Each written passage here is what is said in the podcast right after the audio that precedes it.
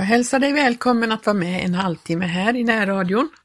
Jag heter Gertrud Johansson och jag vill önska dig Guds frid och att du skulle kunna lyssna och få nytta utav det lilla bibelstudium jag vill ha här idag.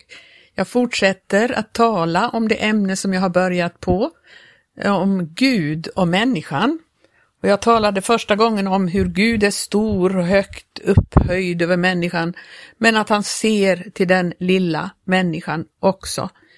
Och så talade jag förra gången om hans skapelseverk och att han i sin skapelse la ner också en, eh, vad ska man säga, en förkunnelse. Han la ner hemligheter, bildspråk som kan lära oss någonting om vad Gud vill göra och vad han gör. Gud han är ju evig, därför så ser han allt på samma gång. Vi är människor, vi ser linjärt i tiden och vi kan många gånger inte riktigt förstå hur Gud kan göra det han gör, men han, det står ju så här att förrän världens grund var lagd så har han utvalt oss i Kristus och vi kan inte riktigt förstå hur det går till, för det har ju gått så många år och det är så länge sedan. Men Gud ser allt på samma gång. Han är en evig Gud.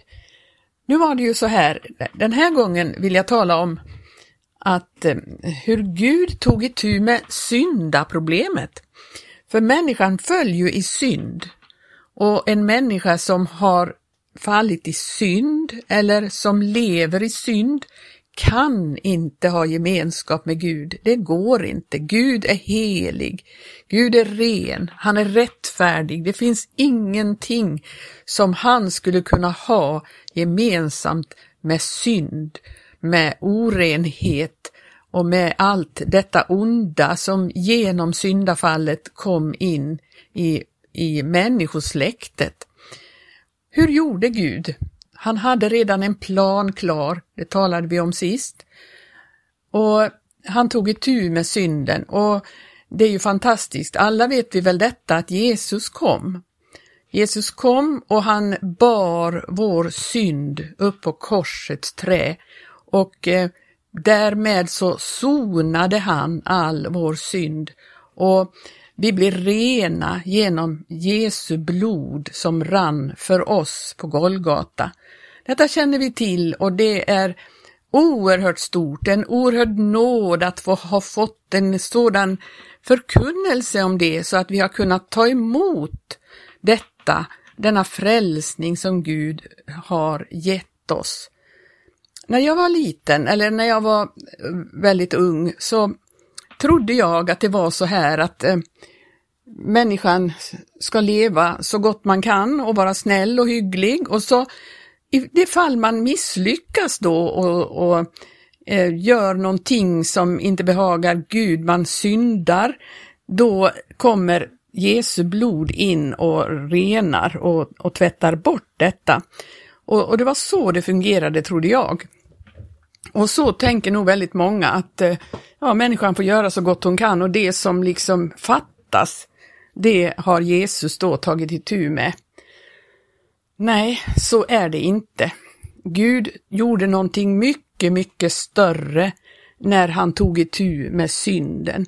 Problemet var, det var inte bara synderna som människan gjorde, utan det var så att människan genom att hon föll i synd fick en annan natur. En syndig natur, en natur som inte kan annat än eh, synda hela tiden. Eh, det är ju så här att allting har ju sin natur. Vi vet ju det i skapelsen hur olika, olika varelser har sin natur och det är eh, inget att göra åt, man bara har det. Det står om det i första Korinthierbrevet 15. Där står det i, i form av allt kött eh, i 39 versen. Icke allt kött är av samma slag utan människors har sin art, boskapsdjurs kött är en annan art och fåglars kött åter en annan, fiskars åter en annan. och så är det ju med, med djuren. Vi vet att de har sin olika natur och de lever på helt olika sätt på grund av sin natur. Och nu är det så här att människan fick en natur som inte kan behaga Gud. Denna natur eh, blev ett problem därför att denna natur gör synd. Det är bara så. nu, nu ordnade ju Jesus upp det åt, åt renar från all synd genom sitt blod.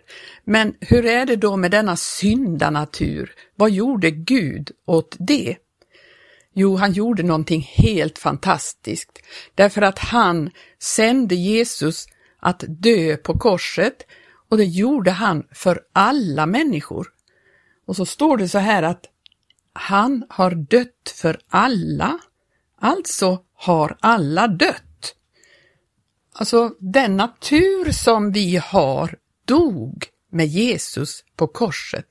Även vi som lever långt efter honom, så dog vi, vår natur dog där på korset med honom.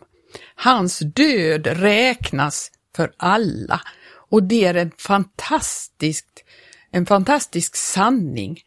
Och jag vet inte, jag, jag, skulle så gärna vilja försöka förklara detta för dig så att du fattar hur stort det är vad Jesus har gjort.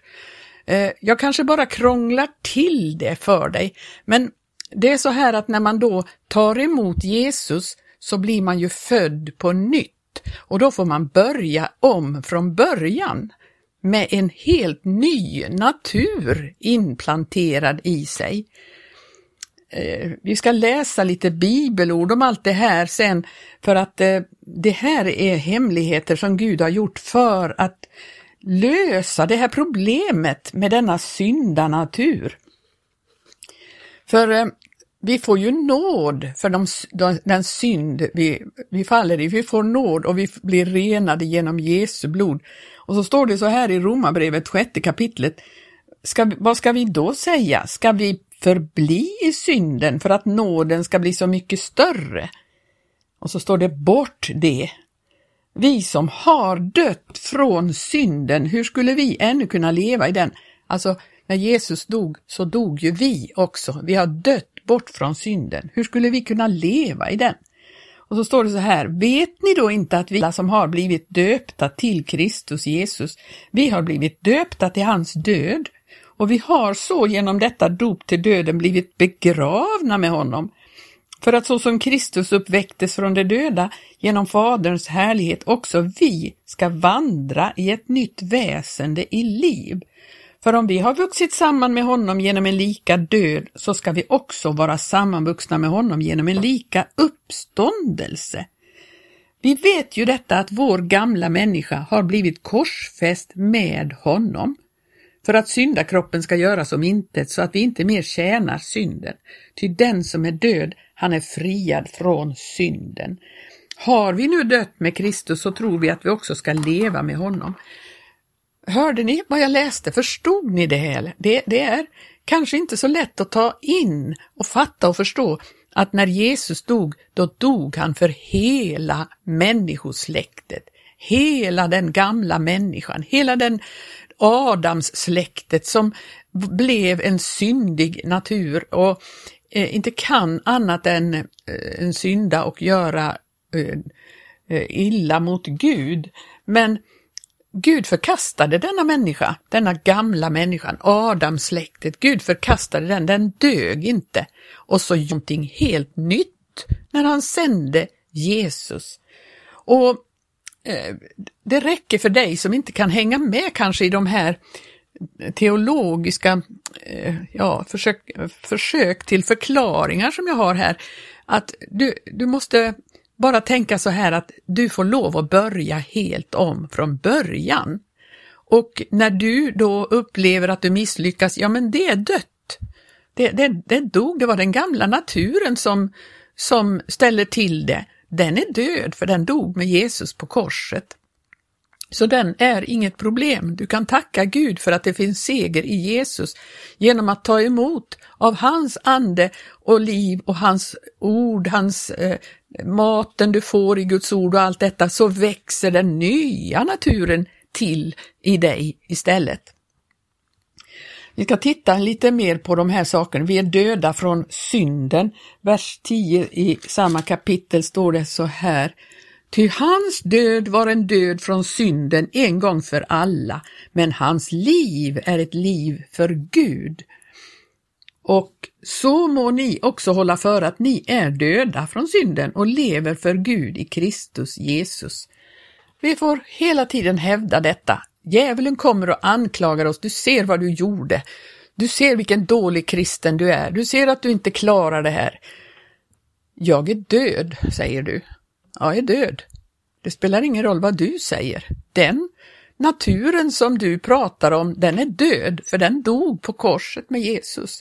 Nu lever jag ett nytt liv. Det nya livet är det som räknas. Det som föddes in i mig när jag tog emot Jesus som min frälsare.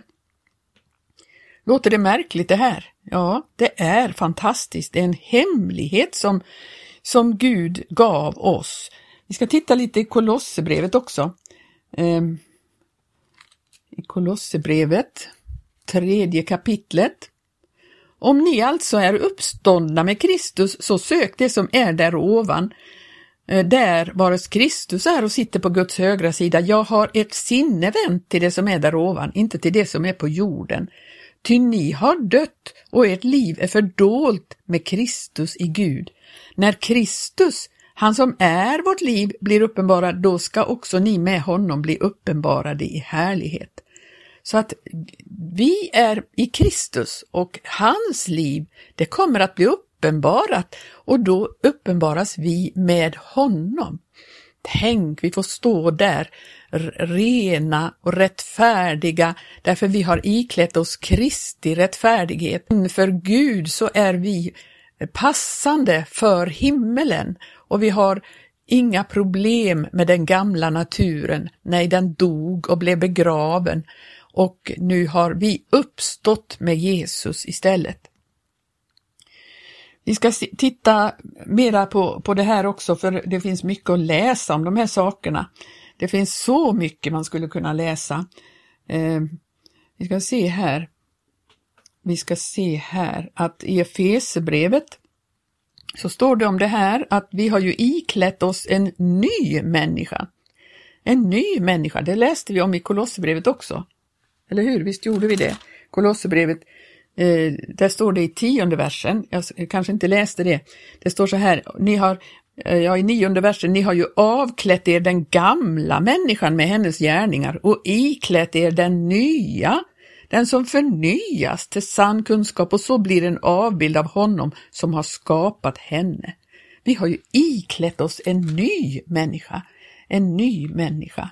Och eh, eh, i Efesierbrevet som jag skulle läsa i fjärde kapitlet, eh, där står det i 20 versen, men ni har inte fått en sån undervisning om Kristus om ni annars så har hört om honom och så blivit lärda i honom som sanning är i Jesus, att ni, då detta nu krävdes på grund av er förra vandel, har avlagt den gamla människan som fördärvar sig genom att följa sina begärelsers bedrägliga lockelser och nu förs genom anden som bor i ert sinne och att ni har iklätt er den nya människan som är skapad till likhet med Gud i sanningens rättfärdighet och helighet. Gud har helt enkelt skapat en ny sorts människa som vi nu får tillhöra istället. Den gamla människan förkastade han, det gick inte, men så kom Jesus. Och vi ska titta lite i eh, i första Korinthierbrevet om det, därför att där står det mycket om det i uppståndelsekapitlet, femtonde kapitlet, så står det så här. Det står om det här med olika kroppar, olika, eh, att det finns himmelska kroppar, jordiska kroppar, olika härlighet. En härlighet har solen, en annan har månen och så vidare. Ehm, och så står det så här eh, i 45 versen där. Så är också skrivet, den första människan, Adam, blev en levande varelse med själ. Den siste Adam åter blev en levandegörande ande. Det var ju märkligt, första människan och den siste Adam. Första människan Adam, alltså han var den första människan och det är det som är den gamla människan. Den som kom först. Det står den första människan var av jorden och jordisk. Ja, i 46 versen som var över, där står det, men icke det andliga är det första utan det själiska och sen kommer det andliga. Den första människan var av jorden och jordisk, den andra människan är av himmelen. Vem är den andra människan då? Och vem är den siste Adam? Har den siste Adam levt? Det fortsätter ju att leva människor på jorden. Adam blev urtypen för en människotyp. Adam. Och så står det att den siste Adam blev en levandegörande ande. Vem var det då? Jo, det var faktiskt Jesus, för att han blev en sann människa. Han blev en riktig människa, född med en sådan kropp som, som vi har. Han, eh, det, han, det står att han fick en eh, syn, eh, en, han levde här i syndigt kötts gestalt. Han hade inget syndigt kött, men han såg ut som de som har det, ett syndigt kötts gestalt och han blev den siste och det beror på att han, som jag sa förut, han gjorde slut på det. Alltså alla dog när Jesus dog på korset. Då dog hela Adams släktet, även de som kommer och lever efter honom. Därför som, som jag sa här så tänker vi eh, som om det är en linje, tiden. Vi lever ju i tiden, men Gud ser allting i evighetssynvinkel, vilket gör att han ser allt på en gång.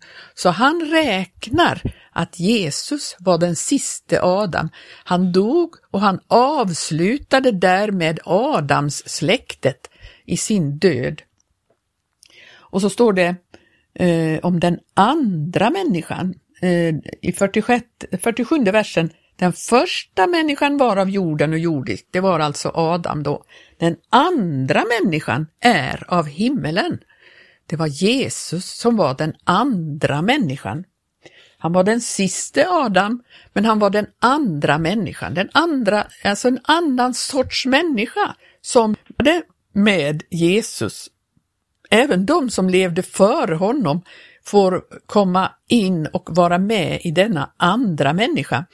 Vi vet ju att människorna även på Gamla testamentets tid hade inte full insikt i dessa hemligheter, men de räknas med i det som Jesus gjorde på, på, när han tog itu med synden och när han skapade då en ny människotyp. Så att när vi då kommer in i Jesus, då iklär vi oss den nya människan, den nya människan. Vi ska läsa om hur, hur David upplevde detta när han hade syndat. Eh, I psalm 51 så står det att den här salmen, eh, det var för sångmästaren en psalm av David, när profeten Natan kom in till honom då han hade gått in till Batseba. Han hade ju gjort en förfärlig synd. Han hade sett till att Batsebas man blev dödad så att han skulle kunna ta Bastru. Och det var ju en synd, fruktansvärt, och detta uppenbarade Natan för honom. Då blev han så eh, sorgsen över sitt syndafall, så han skriver så här. Gud var mig nådig efter din godhet. Utplåna mina överträdelser efter din stora barmhärtighet.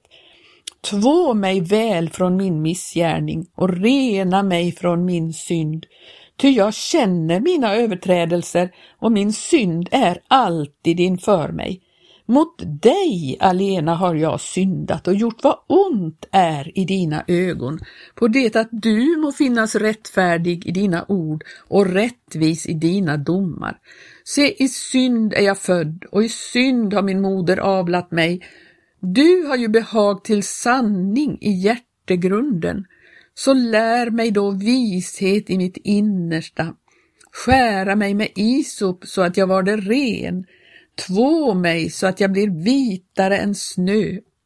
Låt mig förnimma fröjd och glädje, låt de ben som du har krossat få fröjda sig. Vänd bort ditt ansikte från mina synder och utplåna alla mina missgärningar. Skapa i mig, Gud, ett rent hjärta hjärta och giv mig på nytt en frimodig ande. Förkasta mig icke från ditt ansikte och tag icke din helige ande ifrån mig. Låt mig åter få fröjdas över din frälsning och uppehåll mig med villighetens ande. Då ska jag lära överträdarna dina vägar och syndarna ska omvända sig till dig. Detta skrev han så att han fattade och förstod det här att det behövdes ett nytt, skapas någonting nytt i honom. Han, han, eh, han sa inte bara så här till Gud, Gud förlåt mig, jag ska aldrig mer göra så här. Nej, han visste det, det hjälper inte, jag kan inte lova det, för rätt vad det är så gör jag det igen. Sådan är jag. David förstod och upplevde att nej, här behövs det någonting helt nytt. Skapa i mig, Gud, ett rent hjärta och giv mig på nytt en frimodig ande. Han förstod detta med att det behövdes ett skapelseverk och det är precis det Gud gör. Precis som han skapade den första människan, den jordiska människan, så skapar han genom sitt ord i oss den nya människan. Den nya människan skapas när vi tar emot ordet och det läser vi om i Romarbrevet, tionde kapitlet. Vi kan läsa det till slut här. Eh, I Romarbrevets tionde kapitlet. Ordet är dig nära, står det i åttonde versen. I din mun och i ditt hjärta, nämligen ordet om tron, det som vi predikar. Ty om du med din mun bekänner Jesus vara Herre och i ditt hjärta tror att Gud har uppväckt honom från de döda, då blir du frälst. Ty genom hjärtats tro blir man rättfärdig och genom munnens bekännelse blir man frälst. Gud har tagit itu med syndaproblemet. Han har skapat en helt ny människa som vi får ikläda oss och vi får ta emot ordet i vårt hjärta och då får vi ge näring till den nya människan som är född i våra hjärtan. Och vi har fått Jesu natur implanterad i oss. Därför så kan vi leva i seger i den här tiden. Nu ska jag avsluta för den här gången och så fortsätter vi med denna serie och så ska vi se vilken del utav detta jag tar nästa gång. Men Gud välsigne dig som har lyssnat. Jag hoppas jag inte förvirrat dig allt för mycket genom för krångliga förklaringar, utan jag hoppas att du kan ha fått någon slags klarhet i detta oerhörda frälsningsverk som Gud har gjort. Det finns säkert teologer som kan lägga fram det mycket bättre än jag, men jag gjorde ett försök och jag hoppas du kan få välsignelse av detta. Gud välsigne dig. Amen.